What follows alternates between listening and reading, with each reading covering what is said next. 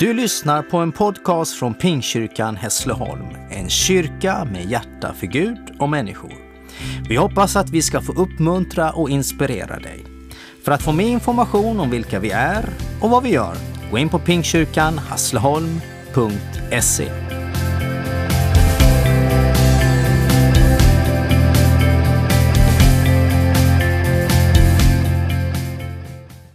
Då ska vi lyssna på eh, dagens bibeltext som vi hittar i Matteus evangeliets andra kapitel och därifrån den första versen. När Jesus var född i Betlehem i Judeen på kung Herodes tid, då kom vise män från östen till Jerusalem och frågade var är judarnas nyfödde kung? Vi har ju sett hans stjärna gå upp och vi har kommit för att tillbe honom. När kung Herodes fick höra det blev han förskräckt och hela Jerusalem med honom. Och han samlade folkets alla överste präster och skriftlärda och frågade dem var Messias skulle födas. De svarade, i Betlehem i Judeen, för så är skrivet genom profeten. Du Betlehem i Judaland, du är inte alls minst bland judafurstar. För från dig ska utgå en furste som ska vara en herde för mitt folk Israel. Då kallade Herodes i hemlighet till sig de vise männen och frågade noga ut dem om tiden då stjärnan hade visat sig. Sedan skickade han dem till Betlehem och sa, gå och sök noga efter barnet. När ni funnit det, meddela då mig så att jag också kan komma och tillbe det. De lyssnade till kungen och gav sig iväg, och stjärnan som de hade sett gå upp gick nu före den, tills den stannade över platsen där barnet var. När de såg stjärnan fylldes de av mycket stor glädje, och de gick in i huset och fick se barnet med Maria, dess mor. Då föll de ner och tillbad honom, och de öppnade sina skattkistor och bar fram gåvor till honom, guld, rökelse och myrra. Och sedan de i en dröm blivit varnade för att vända tillbaka till Herodes tog de en annan väg hem till sitt land. När de vise männen hade rest iväg då visade sig en Herrens ängel i en dröm för Josef och sade, stig upp och ta med dig barnet och dess mor och fly till Egypten. Stanna där tills jag säger till dig, för Herodes kommer att söka efter barnet för att döda det. Josef steg då upp och tog samma natt med sig barnet och dess mor och gav sig av till Egypten. Där stannade han tills Herodes hade dött, för att det som Herren hade sagt genom profeten skulle uppfyllas. Ut ur Egypten kallade jag min son. När Herodes insåg att han hade blivit lurad av de vise männen blev han ursinnig och han lät döda alla pojkar i Betlehem och hela dess omgivning som var två år eller yngre. Detta enligt tiden som han noga tagit reda på av de vise männen. Då uppfylldes det som var sagt genom profeten Jeremia. Ett skri hörs i Rama, gråt och bitter klagan. Rakel gråter över sina barn och hon vägrar låta sig tröstas för de finns inte mer. När Herodes var död, då visade sig en Herrens ängel i en dröm för Josef i Egypten och sa, stig upp och ta med dig barnet och dess mor och bege dig till Israels land, för de som ville ta barnets liv är döda. Han steg då upp och tog med sig barnet och dess mor och kom till Israels land. Men när han hörde att Arkelaos var kung över Judeen efter sin far Herodes vågade han inte bege sig dit.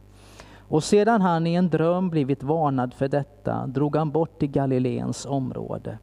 Han bosatte sig i en stad som hette Nasaret för att det som var sagt genom profeterna skulle uppfyllas, att Jesus skulle kallas Nazare.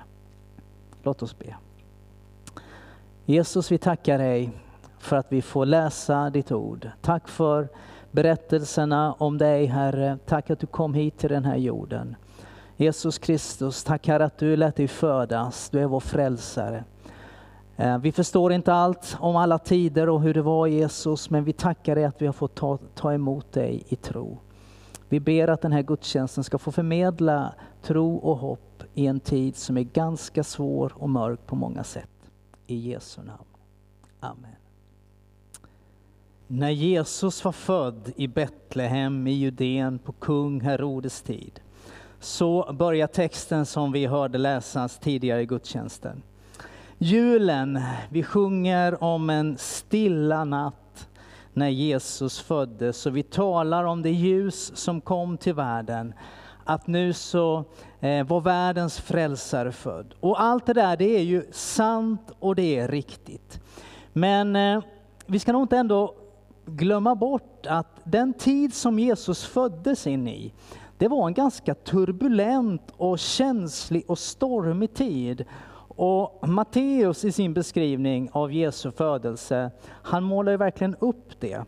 Eh, kung Herodes, som också kallades Herodes den store, eller han kanske själv kallade sig för Herodes den store. Han var en maktfullkomlig härskare som visserligen åstadkom väldigt mycket. Han byggde upp templet i Jerusalem eh, och han byggde upp många andra tempel också i Jerusalem för andra eh, religioner och, och trosuppfattningar. Och han byggde staden Caesarea som var tillägnad, tillägnad och det hör man ju på namnet, den romerske kejsaren. Men historien berättar att han var liksom en, en, en väldigt grym man. Eh, och han lät avrätta, döda tre av sina egna söner i rädsla och i vrede att de skulle liksom utmanövrera honom. Och en tradition säger att självaste kejsar Augustus, som han höll sig underrättad om Herodes familjetragedier, en gång skulle ha sagt så här ungefär. Det är bättre bättre att vara ett av hans svin än att vara en av hans söner. Så det var ganska speciellt eftermäle eller, eller beskrivning av kejsar Augustus. Och det berättas också att han avrättade dessutom en av sina fruar, drottning Mariamne. Så när vi hör texten här så är det inte konstigt att Herodes reagerar så starkt när de här vise männen kommer, de som var drömtydare eller stjärntydare, som kommer och undrar, vi har sett en stjärna. Var är den nyfödde konungen, judarnas konung? Det blev enormt provocerande Eh, att de här kom, de var antagligen förmögna och de kom antagligen inte ensamma tre stycken utan troligtvis kom de i ett stort följe. Det står ingenstans att de var tre förresten. Så varför tror vi att de kanske en del tänker, vise män, kan max finnas tre? Det kanske är därför man har tagit tre. Jag vet inte. Men jag tror att de kom i ett stort följe Eh, och, och, och liksom vackert och de kom liksom som en delegation och så säger de liksom att en stjärna har lett dem fram till en nyfödd kung, judarnas kung. Judarnas kung, det var faktiskt något som romarna kallade Herodes för. Kanske inte som en slags liksom sådär för att lyfta upp honom utan liksom att han var judarnas kung, men det var i alla fall hans titel.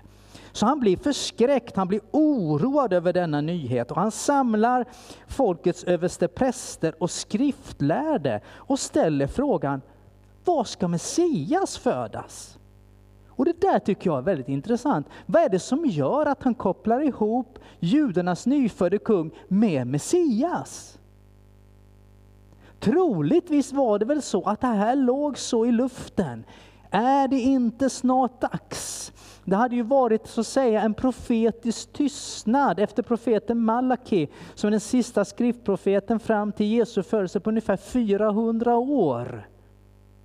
Och nu kanske man väntade liksom. Tecknen talade för att Messias skulle komma. Och man kan ju verkligen undra, varför gör han den där kopplingen? Och om det nu är att han tror att Messias föds, den utlovade kungen av Davids stam, hur skulle han agera om det verkligen skulle visa sig att det var Messias? Skulle han utan tvekan röjt Messias ur vägen? Ja, allt talar ju för att det var det som han ville göra. Det visar vilken maktfullkomlig despot som Herodes ändå var. När de vise männen väl hittat fram till huset där stjärnan stannat över, de har fått tillbe barnet och ge sina gåvor till Maria, guld och rökelse och myra. Det står ju ingenting att Josef var hemma. När de kom in i huset fann de modern och barnet står där.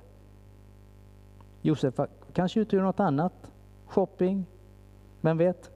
Han kanske handlar mat eller jobbar eller vi vet inte exakt. Men det står faktiskt så att de hittade Maria och barnet. Då vänder de sig inte tillbaka till Jerusalem och rapporterar till Herodes som han hade bett om, utan de beger sig hem. Gud talar i en dröm till dem. Och Herodes inser och förstår att han har blivit lurad och han blir ursinnig och sänder i kallsinnigt vredesmod sina soldater till Betlehem, men inte bara till Betlehem, för säkerhets skull säger han också trakten omkring Betlehem. Och så får de orden, döda alla pojkar som är två år eller yngre. Men den familj som Herodes var ute efter, de hade redan agerat. För Gud hade talat till Josef i en dröm att bryta upp och, ge sig, eh, och bege sig till Egypten med barnet och Maria. I en dröm, när han sov, så talade Gud och det står att samma natt så bröt de upp. Josef han uppfattade, nu är det allvar, nu måste jag agera. Så att han väcker, han väcker Maria, han väcker Jesus och, så, och, och, och, och sen säger han till Maria, vi måste be oss av, eh, hals över huvud, vi måste fly till Egypten. Kung Herodes kommer att jaga upp och söka upp barnet för att döda det. Och så flyr de eh, och blir en flyktingfamilj. Och Jesus blir en flykting i, till Egypten. Och där stannar familjen till dess Herodes har dött. Några år antagligen talar vi om här. Dagen efter, eller dagarna efter, så sker den här fruktansvärda massaken runt Betlehem. Bland annat i den lilla byn Rama och så uppfylls profeten Jeremias gamla profetia ifrån Jeremia 31 och 15. Och det stiger ett skri ifrån Rama. Och ni som känner till det här ordet som vi ibland använder för att signalera någonting när, när, när någon liksom utbrister i, i, total förtvivlan eller rädsla eller ångest så, så brukar vi säga att det var ett ramaskri. Det kommer ifrån Bibeln och från det här uttrycket. När Gud är i färd att göra något stort, då är det som att de mörka krafterna eh, vaknar och barnen attackeras. Så otroligt förfärligt. Och här kan man ju dra en parallell till Gamla Testamentets stora räddningsberättelse om uttåget ur Egypten. Innan det här liksom ska iscensättas och han som skulle leda detta, så skulle ju också alla gossebarn av Israels folk dödas. Men Mose, han överlevde och det blev början på den befrielse som folket så väl behövde. Det finns en liten parallell där. Vi ska inte gå in för mycket på det. Men den här texten talar ju om en bottenlös sorg. Det går liksom inte riktigt att få in den sorgen och den förtvivlan som rådde hos de familjer där deras små pojkar brutalt mördats. Och det står att Rakel, som var en av Israels mödrar och en bild på mödrarna, hon vägrar låta sig tröstas. Det här som har hänt, det gör för ont. Det är för omöjligt, det är för mörkt, det är för svårt. Det finns sådant som inte låter sig tröstas i tillvaron. Sorger, djupa besvikelser och övergrepp. Sådant som vi ibland kallar för en livssorg. Sådan som det inte finns svar på hur mycket man än grubblar och funderar över det. Det finns mörker som liksom kramar livskraften ur en människa, som tömmer en människa på hopp och tro om en förändring, som gör att man parkerar och resignerar. Men det är här som ändå evangeliet kommer in. Just i den bottenlösa sorgen så bryter tyst men klart en ton fram. En ton som sjunger en annan sång. En sång som sakta, sakta börja förmedla ett annat budskap. En sång som talar om en annan tid som kommer, men som i, själv, i sig själv bär en tröst, ett hopp, en tro med sig. En skör melodi, men som ändå obetvingligt verkar med ljus i mörkret. För evangeliet om Jesus Kristus säger att det vänder. Det vänder. I livet var ljus och ljuset lyser i mörkret och mörkret har inte fått makt därmed, står det i Johannesprologen. Ingen sorg, inget övergrepp, inga misslyckande behöver längre ha sista ordet när evangeliet, budskapet om Jesus kommer in. Precis som det efter vintersolståndet blir ljusare igen. Jesus han har själv mött det mörkraste mörka och gått igenom det med ljus och med liv. Men ni vet hur det är med vintersolståndet.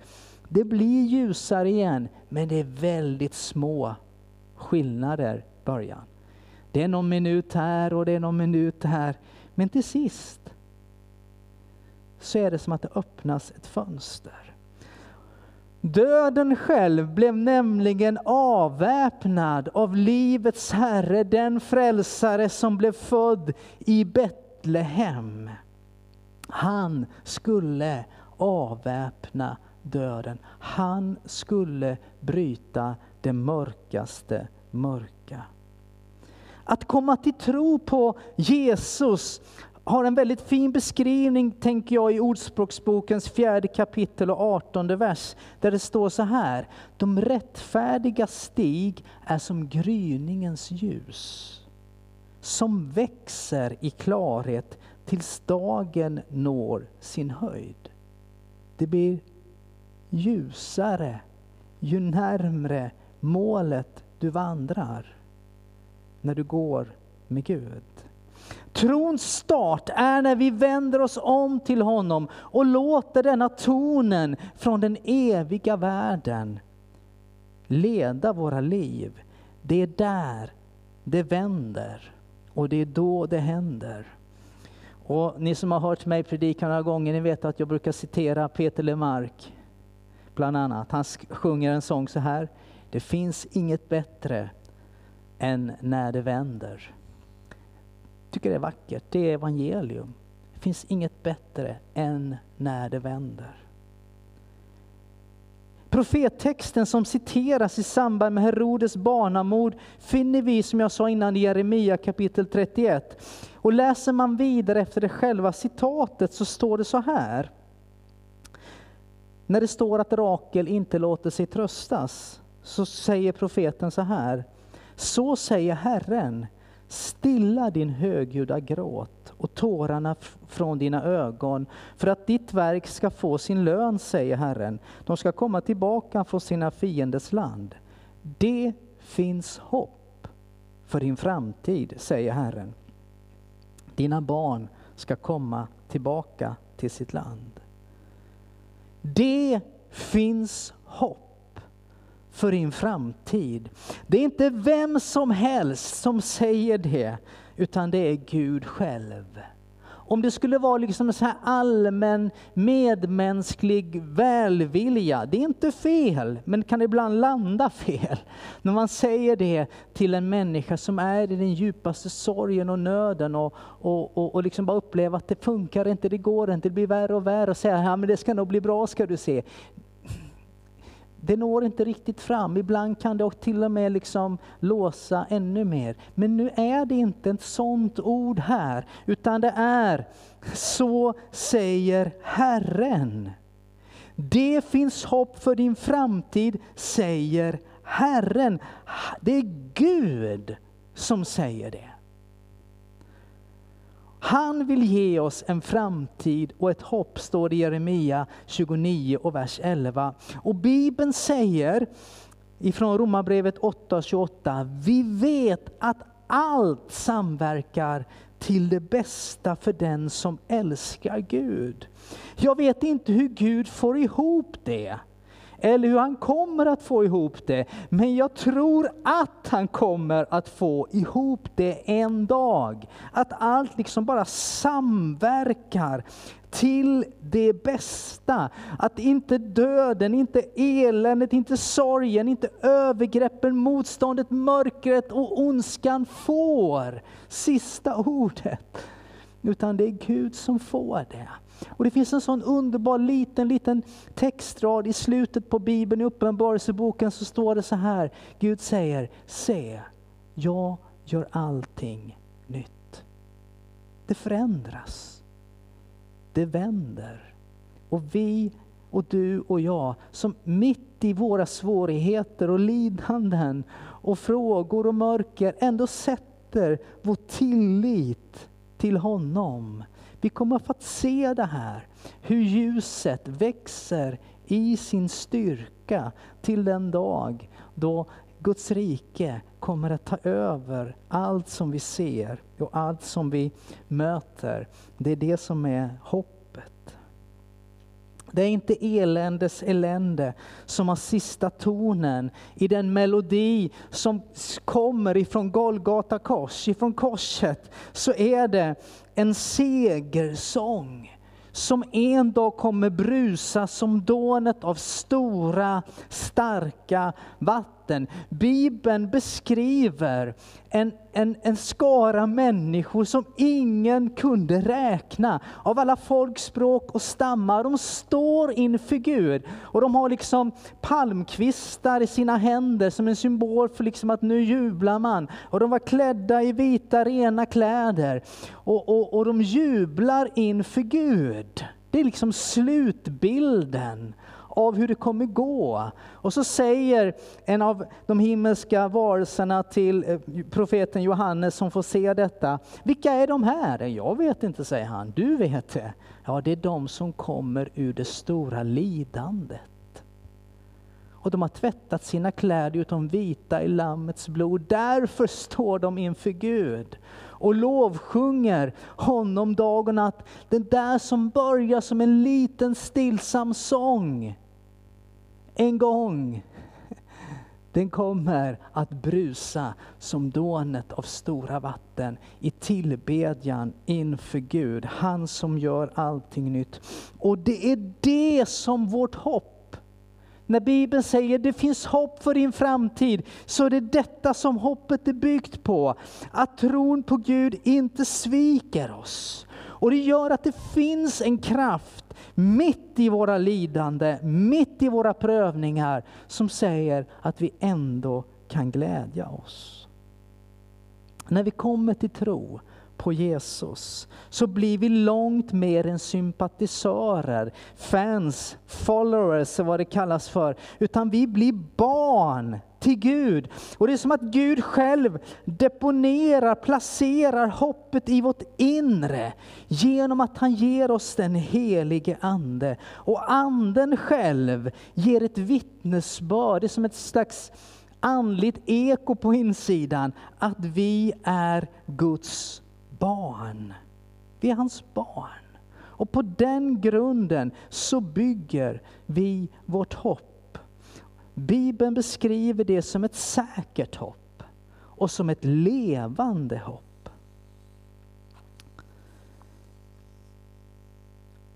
Därför kan vi säga här idag att det finns hopp för din framtid.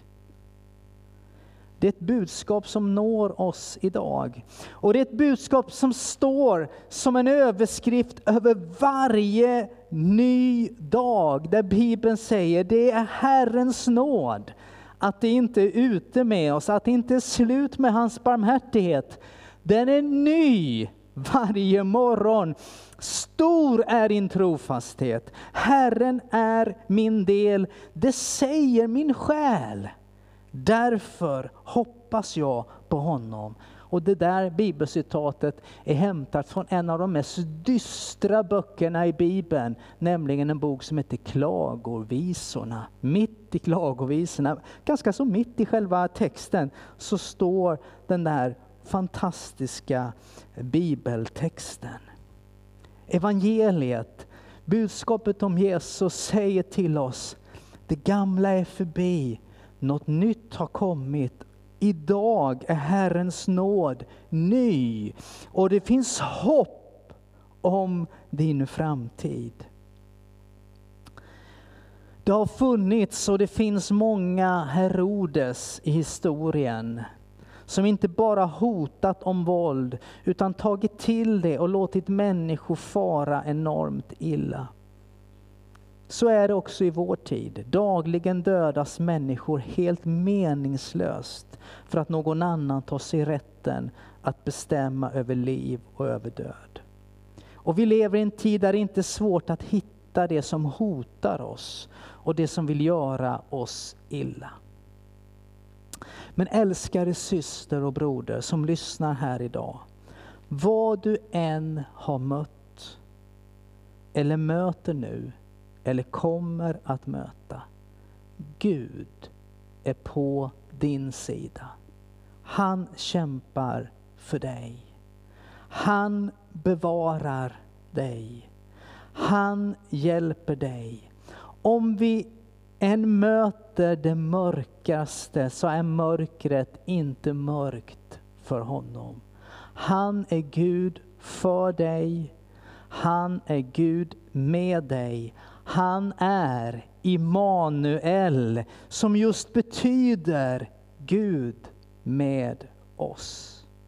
Och idag, den här sista söndagen 2020, detta upp och nervända år, så inbjuder Gud dig till gemenskap med honom själv. Och Johannes kapitel 1 och vers 12 säger, åt alla dem som tog emot honom, som tog emot Jesus Kristus, gav Gud rätten att bli Guds barn åt dem som tror på hans namn. Öppna ditt hjärta. Öppna ditt liv för Jesus denna juletid. Det bryter den bottenlösa sorgen över det som dött i ditt liv. Det finns inget bättre och det finns hopp för din framtid. Amen.